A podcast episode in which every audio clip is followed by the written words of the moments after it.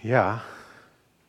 Best wel een heftig filmpje om, om, om de zondag mee te beginnen op zo'n stralende, mooie zomerse dag. Ik weet niet of jullie Rick Warren kennen. Hij is een hele bekende voorganger in Amerika. Ehm, toen Obama president werd, heeft hij ook gebeden. Dat doen ze altijd daar als, als iemand president wordt. Een van de grootste kerken van Amerika. 50.000 mensen gedoopt in de afgelopen jaren. Dat hebben ze twee jaar geleden gevierd. Auteur, succesvol auteur van een boek. Ken je misschien wel, Doelgericht Leven. Die dan vertelt hoe zijn zoon op 27-jarige leeftijd uit het leven gestapt is. Na heel lang worstelen met depressieve gedachten. Vraag het verder, je kan het kijken op internet, is niet moeilijk te vinden. waarom laat ik dit zien vanochtend? Omdat, wat Teunis eigenlijk net ook al zei, we zingen vaak over hoe groot en fantastisch en geweldig God is. En, en hoe die mensen geneest en, en dat is allemaal waar. Maar soms doet hij dat niet. Soms is het leven enorm heftig. Gebeuren er verschrikkelijke dingen. Gebeuren dingen niet zoals wij willen. Kunnen we niet voorkomen dat er pijn en verdriet is? En wat doen we dan? Wat doen we dan? Want dan helpen de verzen niet meer God uh, dit en God dat. En daar wil ik het vandaag over hebben. Want we, zijn, ik zei het al, we zijn al, al een jaar bezig met het boek Daniel.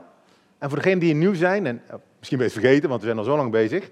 Daniel was als tiener afgevoerd van Israël naar Babylon, naar Irak. Om daar te werken voor de koning als slaaf. En hij heeft daar 70 jaar gewoond. En, en Daniel is eigenlijk ook nooit teruggegaan naar Israël. Terwijl op het einde van het boek zien we dat een aantal Israëlieten wel terug mogen. En in de eerste zes hoofdstukken was iedere keer geweldig nieuws. Iedere keer als het net fout lijkt te gaan, als, als Daniel in de leeuwenkuil gegooid wordt, of als zijn vrienden in een, in, een, in een vurige oven gezet worden, dan is God daar iedere keer. Meteen. Die, die vrienden roken niet eens naar, naar vuur, naar rook. Daniel zit daar en die gebruikt die, die leeuw als een soort kussen. Die zit daar lekker tussen die beestjes te hangen alsof het katten zijn. Alles lijkt goed af te lopen in de eerste zes hoofdstukken. Maar de afgelopen keer hebben we gezien dat het zeker niet altijd goed afloopt. Daniel kreeg dromen over toekomsten met koningen die, die gingen en, en kwamen. En de vorige keer hebben we gezien, in Daniel 10, dat Daniel een droom kreeg die zo erg was, dat hij er drie weken ziek van werd. Fysiek ziek van wat hij zag. Dat is heftig, drie weken lang ziek. We zullen vandaag de inhoud van die droom bekijken, een stuk daarvan. En de rest is de volgende keer. Ik heb toen de vraag gesteld, en daar moet ik mee oppassen. Kan je je voorstellen dat je drie weken ziek bent? En een week later lig ik met corona in mijn bed en heb ik drie weken geslapen. Soms wil God blijkbaar dat ik ook dingen doorleef die ik hier vanaf het podium roep. Ik ben benieuwd wat hij nou voor mij in petto heeft. Vandaag de droom in hoofdstuk 11. Ik las ergens dat Calvijn, de grote Calvijn van de Reformatie, bla bla bla, 100 jaar geleden, heeft daar negen preken over gegeven en meer dan 100 pagina's over dit hoofdstuk alleen geschreven. En het artikel waar ik dat las had nog een leuk bijzinnetje, ik heb die in het rood hier gemaakt. Als predikant kan je hoofdstuk 11 niet eens spreken. Ja, dat is een enorme bemoediging natuurlijk, als je dan aan je week begint en denkt, ik moet iets gaan schrijven voor zondag. Het is een hoofdstuk over een heftige toekomst. En het is super interessant, want God had kunnen zeggen: Het wordt slecht, het wordt heel slecht. Er komen, komen boze mannen en die gaan, het, gaan jouw leven. Maar ik ben erbij. Hij had het in één zin kunnen samenvatten. Maar dat doet hij niet. 45 zinnen heeft hij nodig. En legt hij alles in ontzettend veel detail uit. Je hebt het op het blaadje voor je, twee kantjes. Sommige mensen hebben geteld en die zeggen in die eerste 35 versen van Daniel staan 135 toekomstvoorspellingen, profetieën. 135, die allemaal uitgekomen zijn. En die hebben daar een studie van gemaakt en die hebben een mooi lijstje gemaakt, 1 tot met 135. Dit is voorspeld, dit is gebeurd als we nu terugkijken. Dat is zo nauwkeurig, 135 toekomstvoorspellingen, dat sceptici zeggen, ja, eh, dat boek moet natuurlijk daarna geschreven zijn. Dat kan nooit, dat Daniel in 500 voor Christus dingen met zoveel detail op heeft geschreven over die 300 jaar tussen 500 voor Christus en 160 voor Christus. Dat kan gewoon niet. En als je op Wikipedia kijkt en je zoekt op het boek uh, Daniel of Daniel 11, dan staat er ook, Daniel moet geschreven zijn in 167 voor Christus. Namelijk, hij wist nog niet dat die koning waar we straks over gaan hebben dood was, maar hij wist wel alle andere dingen die gebeurden. Dus ze kunnen. Maar, waar ze dan geen verklaring voor hebben, is deze meneer. Kennen je hem nog? Flavius Josephus, geweldige naam. Die meneer heeft een boek geschreven, de oude geschiedenis van de, uh, van de Joden. 2000 jaar geleden heeft hij dat opgeschreven. En daarin schrijft hij letterlijk dat Alexander de Grote in 334 voor Christus Jeruzalem binnenloopt. Ik heb dit verhaal al een keer verteld en begroet werd door de hoge priester in de tempel. En dat ze samen uit Daniel gingen lezen. Want die hoge priester had in de smiezen, dat ook wel vandaag gaan lezen, dat het over Alexander de Grote ging. Alexander, je staat in onze Bijbel, werd tegen hem gezegd. Maar als dat in 334 voor Christus gebeurde, volgens Jozef, Flavius Josephus, dan kan dat boek nooit geschreven zijn 200 jaar later. 135 voorspellingen die nu al uitgekomen zijn die opgeschreven zijn voordat het gebeurde. Waarom doet God dat? Nou, ik doe normaal drie punten. Ik heb mijn kinderen al gewaarschuwd. Vandaag zijn het er dus 135. En ik hoop dat je je lunch hebt meegenomen. En mijn kinderen wilden thuis blijven. Nee hoor, ik doe drie punten, toch maar gewoon. En ik zal nog even sterker vertellen, ik ga dit, ik ga even afwijken van wat ik normaal doe. Deze tekst is zo lang en leent zich inderdaad niet om zin voor zin vandaag uh, hier vanaf het podium door te ploegen. Ik ga het stukje samenvatten. Dus we gaan normaal doe ik woord voor woord, maar vandaag ga ik samenvatten. Want het is super belangrijk dat we niet alleen super geïnteresseerd zijn in die 135 dingen die al gebeurd zijn en rationeel met onze hoofd daarbij komen en denken, wauw, dat is interessant, dat wil ik helemaal uitzoeken. Dat mag hè, je spendeert de hele week er maar aan, ga maar lekker uitzoeken, daarom heb ik het ook geprint, kan je het mee naar huis nemen. Maar het belangrijkste is dat deze tekst ook vandaag tot ons spreekt en ook ons hart raakt. Drie punten. En mijn eerste punt, en dit gaat over de eerste 20 versen, is God heeft de geschiedenis in zijn hand. En dat bewijst hij door in zoveel detail te gaan in het boek Daniel. Ik wil even een klein stukje lezen, want dan ga je toch een beetje mee in die geschiedenis. Een paar versen vanaf vers 2. Nu zal ik u dan de waarheid bekendmaken, zegt de engel tegen Daniel. Zie, er zullen nog drie koningen in Perzië aan de macht komen. En de vierde zal grotere rijkdom verwerven dan alle anderen. Als hij sterk geworden is door zijn rijkdom, zal hij allen opzetten tegen het koninkrijk Griekenland. Daarna zal er een machtige koning aan de macht komen, die met grote heerschappij zal heersen en zal handelen naar eigen goeddunken. Zodra hij echter aan de macht komt, zal zijn koninkrijk verbroken worden en opgedeeld worden naar de vier windstreken van de hemel.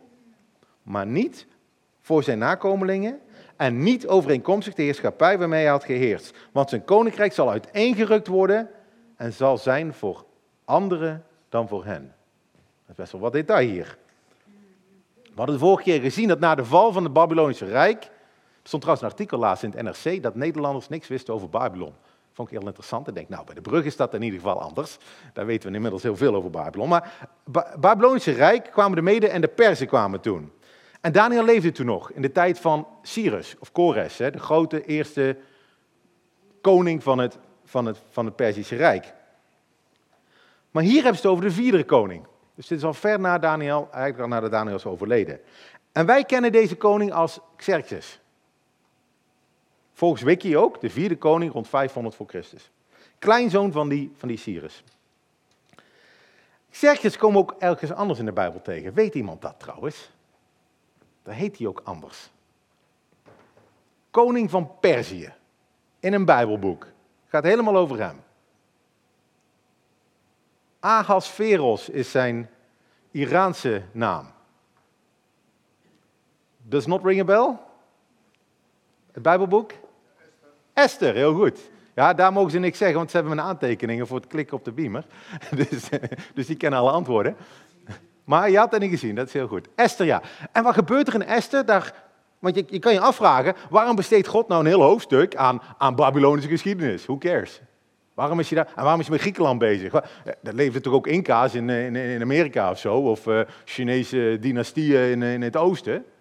Maar die, die Xerxes, die wilde het Joodse volk uitroeien. Daarom komt hij hierin voor. Dit is een boodschap aan het Joodse volk via Daniel. Want die Xerxes gaat Griekenland aanvallen en het mislukt. Uiteindelijk. En dan zijn we ergens halverwege de vierde eeuw. En dan komt er een machtige koning, stond er net in de tekst. Een machtige koning aan de macht. Wie is die machtige Griekse koning? Ik heb zijn naam al genoemd. Ik wou zeggen, er moet er iemand zijn die zijn naam goed kent. Alexander, Alexander de Grote, inderdaad. Alexander de Grote komt. Diezelfde Alexander die uit het boek Daniel leest natuurlijk eh, als hij in Jeruzalem komt. En wat staat hier? Als hij net als, hè, dit is nog steeds allemaal geschiedenis, hè, op het moment dat Alexander het hele rijk heeft veroverd, en daar bedoel ik mee van Egypte helemaal tot aan India, gaat hij dood. In tien jaar tijd verovert hij een enorm stuk van de wereld en dan gaat hij dood. En hij heeft geen nakomelingen, tenminste geen legitieme nakomelingen die het ook nog overleefd hebben. Hè. Dat zijn allemaal van die dingetjes in de, in de oudheid die nog wel een rol speelden. Dus wordt het opgedeeld in vier delen. De vier windstreken lagen we net. Vier delen en die werden gegeven aan zijn vier generalen. En de rest van de tekst vanochtend gaat inzoomen eigenlijk op twee delen, die ze het noorden en het zuiden noemen. Het zuiden is Egypte, waar Ptolemeus aan de macht was. En het noorden is het Seleucidische Rijk. Ik heb hier een plaatje, dat is, geel is het Seleucidische Rijk en in het blauw is Egypte, dat zijn de Ptolemeeën, die generatie op generatie daar zitten. En wie zit daar midden tussenin? Die Israëlieten. Die zitten daar midden tussenin.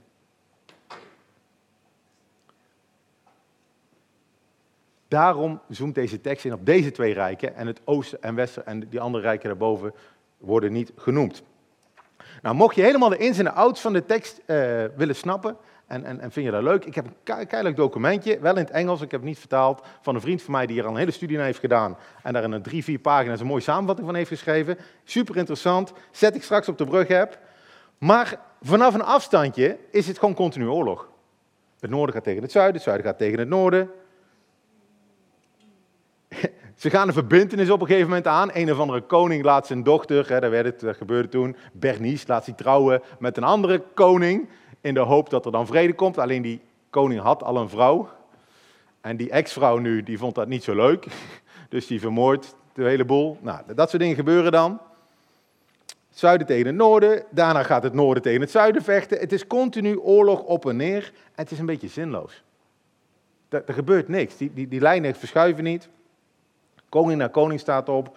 Machtsverhoudingen veranderen een beetje, maar eigenlijk gaat gewoon het leven verder. Maar God geeft zoveel detail in deze tekst aan Daniel en aan de Joden, dat ze dit zullen herkennen. En hopelijk geeft ze dat ook troost, dat ze weten, we zijn omringd door oorlog, maar er gaat niet veel gebeuren, want dat hebben we al gelezen. Voor ons geldt dat ook. God geeft heel veel detail in zijn tekst. En we mogen herinnerd worden aan het feit dat God de geschiedenis in zijn hand heeft, vast heeft. Als God alles al van tevoren weet. Met ook de belofte erbij dat het goed komt, uiteindelijk. Vertrouw je dan op Hem? Of beweeg je mee met de dingen die om ons heen gebeuren? Vertrouwen we op God? Of raken we in paniek van al het nieuws om ons heen? Leven we in het nu of leven we in het licht van de geschiedenis en ook de toekomst? Het licht van het evangelie, wetende dat we maar korte tijd hier op aarde zijn. Maar dat er nog een eeuwigheid in het verschiet is. Want dat verandert alles. Als we, dit het was en we hier nou alles moeten genieten, hier op aarde, dan is het YOLO, you only live once. En Haal het meeste eruit wat je nu eruit kan halen. Maar als er nog een eeuwigheid komt, dan mogen we ons nu juist richten waar we net ook over gezongen hebben. Laat ons hart onrustig worden voor die dingen om ons heen, over onrecht. Mogen ons daarvoor inzetten. God zegt tegen ons, Jezus heeft overwonnen op, aan het kruis. Ons leven zit in hem. Nu en voor een eeuwigheid als we hem vertrouwen. Dus de vraag vanochtend vanuit het eerste deel van de tekst is, God heeft de geschiedenis in zijn hand. Durf je hem te vertrouwen en durf ook een stap te maken om jouw leven in zijn hand te leggen. Hem te vertrouwen, no matter wat er om ons heen gebeurt. Tweede stuk tekst, dat is mijn tweede punt, is vers 21 tot en met 35. Er staat een titel boven, in, in, in, de, in ieder geval in de herzienvertaling. Heb ik ook in het programma gedrukt. Dat gaat over de eerste en een tweede aanval van een verachtelijke koning. En lijkt dat na jaren van koningen God nu één specifieke koning aan Daniel laat zien. Eentje uit de Seleucide, eentje van het noorden. Eentje uit Griekenland. Een verachtelijk man die het koningschap grijpt door vleierij. Iemand die bedrog pleegt en tegen het zuiden optrekt, maar iedere keer verliest, zodat hij weer terug moet langs dat land. Hij reist iedere keer op terugweg van zijn nederlagen door Israël. Wat voor humeur denk je dat hij dan heeft? Hij net verslagen is. Hij is niet blij. De tweede keer dat hij aanvalt, wordt hij opnieuw verslagen door de, door de Romeinen, die met een boot even de oversteek maken en met Egypte mee gaan vechten. En dan staat er in vers 30, het wordt verschrikkelijk voor jullie. Hij gaat het heiligdom, en dat bedoelen ze mee de tempel, ontheiligen. En het offer, het dagelijks offer wat ze daar maakten voor God, wegnemen. En de verwoestende gruwel opstellen. Deze specifieke koning kennen we uit de geschiedenis. Hij heet Antiochus. Antiochus IV en had een grappige achternaam. Of, nou, hij noemde zichzelf Epiphanes. En dat betekent eigenlijk godman. Hè, dat hij, hij voelt zichzelf wel, eh, wel goed. De Joden noemen hem Epimanes, want hij was een beetje loco, was een beetje gek, vonden ze. Dus die hadden een, meteen een woordspelingje op zijn naam. Ik heb in hoofdstuk 8 over hem gesproken. Maar het was een verschrikkelijke koning. Hij heeft de tempel geroofd, staat hier ook. Hè? Het heiligdom heeft hij ontheiligd. Miljoenen aan goud meegenomen voor zijn eigen portemonnee. En in plaats van het dagelijks offer dat de Joden daar brachten, een schaapje of een, of, of, of een duif, bracht hij het standbeeld van Zeus, de Romeinse god, de Griekse god Zeus mee. Jupiter is de Romeinse. En hij ging varkens slachten. Daar in die heilige tempel. Een varken in het huis van God. Je kan je voorstellen dat de Joden daar niet blij mee waren, maar het werd ook veel erger. Hij liet de Joden ook niet met rust. Hier staat ook dat hij op hen lette die het heilige bond verlaten. Alles wat je Jood maakte, werd bestraft met de doodstraf. Als je ja aan de Sabbat hield, ik ga vandaag niet werken op Sabbat, doodstraf. Als je je zoontje liet besnijden, doodstraf. Als je met je Bijbeltje of je Torah over straat liep, doodstraf. Hij wilde alles wat Joods was en met de Joodse identiteit te maken had, wilde hij vernietigen. Hij heeft 80.000 Joden vermoord, 40.000 gevangen genomen en nog eens 40.000 als slaaf verkocht. Moet je je voorstellen. Het zijn 160.000 mensen in die tijd toen er nog geen 7 miljard mensen op de planeet woonden. Daniel ziet dit in zijn droom. Hij wordt er ziek van. Ook al gaat hij het zelf niet meemaken. Hij mag de boodschap doorgeven dat er een holocaust aankomt. En waarom moet hij die boodschap doorgeven? Om het volk moed in te bespreken, juist als die verschrikkelijke dingen gaan komen. Want er staat een mooi zinnetje in. Een heel mooi zinnetje. Tussen al die donkere versen in vers 21 tot 35 staat in vers 32. Zij die goddeloos handelen tegen het verbond, zal hij doen huichelen. En die gaan mee met die koning. Maar het volk echter, zij die hun God kennen. En in de NBV zijn die God trouw zijn zullen zij grijpen en ze zullen hun wil ten uitvoer brengen. In de MBV staat, ze zullen zich met kracht verzetten. De mensen die God kennen en trouw zijn, zullen zich met kracht verzetten.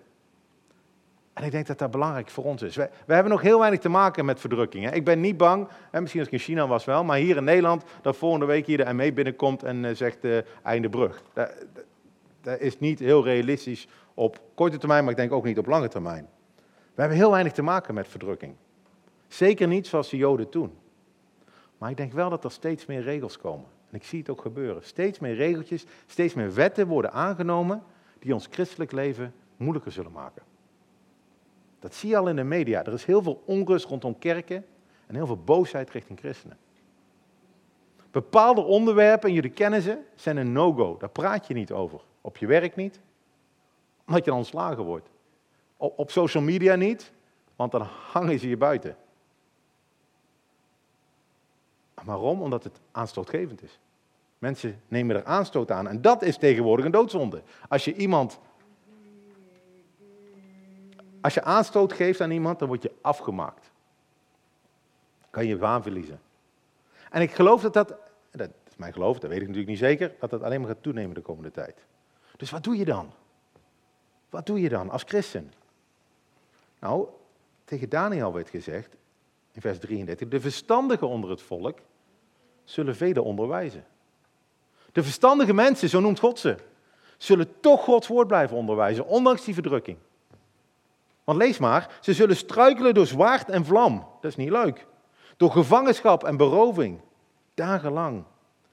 En wanneer ze struikelen, zullen ze met weinig hulp geholpen worden. Dus je steekt je nek uit om als christen eh, de Bijbel te verkondigen. Je gaat de gevangenis in of, of, en niemand komt je te hulp. Zelfs je kerk niet. Velen zullen zich met vleierijen bij hen voegen. Van de verstandigen zullen er struikelen. Om hen te louteren, te reinigen en zuiver wit te maken. Zongen we net over. En het is een beetje een, zinnetje waar ik denk van hier zit een kern in van waarom laat God dit toe. Ik, dit is geen antwoord, maar hij, hij laat wel iets zien. Waarom hij bepaalde dingen toelaat. Tot de tijd van het einde, want het wacht nog tot de vastgestelde tijd. Juist deze trouwe mensen zullen omkomen. Juist deze, dat zegt God van tevoren. Zij worden niet geholpen, je staat er helemaal alleen voor. En dan vraagt God, wat ga jij doen? Laat je je dan verleiden? Beweeg je mee met de cultuur om je heen? Of ben je verstandig? Wetende dat het niet gemakkelijk gaat worden. Jezus zei 150 of 500 jaar na Daniel, later bereken de kosten Bereken de kosten voordat je mij volgt. Denk erover na. Want ook in zijn tijd werden volgelingen omgebracht, hij zelf. Daarom is het belangrijk voor ons, denk ik, in deze tijd, terwijl alles nog eigenlijk best goed gaat, zeer goed, God te leren kennen. Dicht bij Hem te blijven. Je te verdiepen in wat God via de Bijbel aan je wil vertellen. Jezus met heel je hart gaan volgen. Niet, niet lauw te zijn. Maak ons hart onrustig, Heer. Want als je nu lauw bent en er komen verdrukkingen, dan ben je weg. Dan ga je mee. Daar ben ik van overtuigd. Nu is de tijd, als het goed met je gaat, juist dicht bij God te zijn. En vaak doen we pas het omgekeerde. Als het slecht met ons gaat, gaan we naar God toe. God belooft gelukkig, een hele mooie belofte hier in vers 24, dat het slechts voor een tijd zal zijn. Want ook deze verschrikkelijke meneer Antiochus is aan zijn eind gekomen. Plotseling, hadden we gezien hoofdstuk 8. In één keer, hartaanval, dood. Voor mij was het erger trouwens. Het is alsof God hier wil zeggen, ik heb machtige mensen in mijn hand. Zelfs de koningen heb ik in mijn hand. Ik regeer, niet zij. Dus wees verstandig. Volg niet die koningen, maar volg mij. Onderwijs elkaar over alles wat ik jullie vertel. Ook als dat op weerstand stuit van de omgeving. Ook al vindt iedereen dat het ouderwets is of oudbollig of niet meer van deze tijd. God bereidt zijn volk voor op deze koning waar ze, die ze mee gaan maken. En wat er ook gebeurd is, de oproep is, wees verstandig, want ik ben erbij. De koning gaat weg. En dan schakelt het stukje. Ik had net verteld, 135 profetieën, die eerste 35 versen, die allemaal, die allemaal uitgekomen zijn op basis van geschiedenis. En dan in één keer vanaf vers 36, de laatste 10 versen van het hoofdstuk, staan ook profetieën, staan ook voorspellingen, maar die zijn niet uitgekomen. Zover als wij weten. Hier staat namelijk dat hij niet zou letten op de goden van zijn vader. Maar Antiochus die had, die had Zeus meegenomen en die had hij in de tempel gezet. Eh, er staat in vers 40 dat hij gaat winnen van Egypte. Nou, we weten vrijwel zeker dat Antiochus nooit gewonnen heeft van de Egyptenaren. En het zou natuurlijk kunnen dat we gewoon niet genoeg informatie hebben. Hè? Dat, het, is, zo lang geleden dat we nog even verder moeten graven in die grond. En dan vinden we weer een mooi kleitablet en dan staat er Egypte is wel. Dat zou kunnen, hè? daar moeten we zeker rekening mee houden. Maar er staat in vers 40 ook in de tijd van het einde. In de tijd van het einde. En dus de meeste mensen denken, ja, die vers tot en met 35, dat ging over Antiochus. En Antiochus is een soort spiegel van, of een soort model voor wat er later gaat gebeuren. Mensen die op Antiochus gaan lijken. Maar die laatste tien versen gaan echt over de toekomst. Waar een figuur die lijkt op Antiochus zal opstaan, tegen de gelovigen zal strijden, in een gevecht dat het einde van de tijd zal inluiden. En die figuur die wordt in het Nieuwe Testament de antichrist genoemd. Iemand die het tegen God op wil nemen. Anti tegen Christ. Dus. Wiens leven draait om kostbaarheden, zagen we net, om geld. Om sterke vestigingen, vers 39, om macht. En een hoop mensen met zich mee gaat sleuren. Hij zal versterkte vestigingen maken samen met die vreemde God. Voor hem die hij zal kennen, zal hij de eer laten toenemen en hen laten heersen over velen. En hij zal het land uitdelen als beloning. Mensen zullen met hem meegaan omdat er geland te behalen is, eer te behalen is, omdat er, ze mogen heersen. Macht. Geweldig. En ik weet dat als ik het woord antichrist gebruik trouwens, dan weet ik dat er heel veel mensen een reactie oproept. Oeh, dat is interessant. Mensen zijn nieuwsgierig. Wie is dat dan? Wanneer komt hij? Hoe ziet dat eruit? Wat gaat dat betekenen voor mij? Is hij er al? Oh kijk, daar is een grote leider. Obama. Dachten ze. Trump. Oh nee, Biden. Dat, dat, Biden moet, dat moet toch wel de antichrist zijn, hè? Kijk, kijk, sla internet er maar op na. Wat we dan vergeten, of Poetin, hè, nu, afgelopen week, mijn vliegtuig, hè, of misschien die meneer daar in, eh, in Belarus of zo, hè. Maar wat we vergeten is dat iedere generatie dat heeft gedaan de afgelopen 2000 jaar. Iedere generatie denkt, oh, wij zijn aan de beurt. Want we willen graag, ja, we willen graag soms nee, even verlangen, dat het eind van de tijd, omdat Jezus terugkomt, dat we met hem mee mogen gaan, dat het, dat het, dat het vrede op aarde wordt. Daar verlangen we naar. En dan willen we heel graag, soms, dat het opschiet. Maar wat dacht je dat de, de Joodse christenen in de eerste eeuw dachten toen Nero daar rondliep? En, en, en, en ze voor de leeuwen wierp of gladiatorspelletjes met ze speelden. Of ze zelfs als brandende fakkel ergens op een feestje neerzetten. En Nero heeft de tempel helemaal verwoest, hè? Wat denk je dat de, de Joden dachten 70 jaar geleden, 80 jaar geleden, toen de Tweede Wereldoorlog, toen vervolging uitbrak? Toen Hitler aan de macht kwam. Iedere keer zijn er in de geschiedenis Antiochussen die opstaan en het Joodse volk compleet proberen te vernietigen. Iedere generatie zijn die mensen er. Maar keer op keer lukt dat niet. Xerxes was het niet gelukt. We kunnen een boek Esther lezen. Antiochus was het niet gelukt, die ging dood. Het is een heel mooi boek, eh, Maccabeeën, staat in de katholieke Bijbel. Als je interessant vindt, een hele mooie geschiedenis over hoe de Maccabeeën in opstand kwamen tegen deze koning en uiteindelijk wonnen. Nero, Hitler niet, het is niet gelukt. En ook de antichrist gaat het niet lukken. Lees maar de laatste zin, vers 45. Hij zal de tenten van zijn paleis tussen de zeeën opzetten bij de berg van het heilig sieraad. Dan zal hij tot zijn einde komen en geen helper hebben. Koningen komen en gaan, maar het is God die de toekomst in zijn hand heeft. En ook de antichrist is maar tijdelijk. En daarna, God heeft al overwonnen, maar daarna zien we dat. Veel mensen zijn heel veel bezig met die antichrist. En ik wil een, een voorbeeld gebruiken. En ik, als man twijfel ik eraan. Ik heb even mijn vrouw laten lezen. Want ik ga een voorbeeld gebruiken over bevallen. En dat is natuurlijk de, is altijd risicovol als je dat doet als man, dat weet ik. Maar mijn vrouw is er nou niet. Ik weet niet of ze meekijkt, dus dan kan ik misschien wel meer wegkomen. Weet je, als je vrouw zwanger is, en heb ik een aantal keer mee mogen maken. Ben je dan negen maanden, nee terug, één slide terug, Saar, te vroeg. Dat was het antwoord. Ben je dan negen maanden bezig met die bevalling? Ben je bezig met, de, met oeh, er komt allemaal lijden kijken en, en, en oeh, wat moeten we doen en, en, en hoe pijnlijk gaat het allemaal zijn? En, en, ben je daar negen maanden mee bezig? Ik in ieder geval niet. Uh, dus ik moet het aan de dames vragen. Ja, dus, dus, ik zeg al, het is tricky om dit in ieder geval te roepen. Want waar gaat het om bij de bevalling? Waar gaat het om? De baby. Dat was de foto. Ja, goed zo. Nou mag de slide, Saar. De baby, daar gaat het om. Het nieuwe leven dat er komt, waar je 18 jaar lang van mag, en misschien nog wel van mag genieten. Daar gaat het om. En natuurlijk is het goed om je laten voorlichten over die bevalling en hoe je pijnbestrijding kan doen en, en, en, en hoe je het beste er doorheen komt. Prima, hè? dat moet je denk ik zeker doen, maar het is niet het doel. Het is niet het doel. En zo geldt het voor ons ook. Het is niet het doel om continu met eindtijd en met, met antichristen bezig te zijn.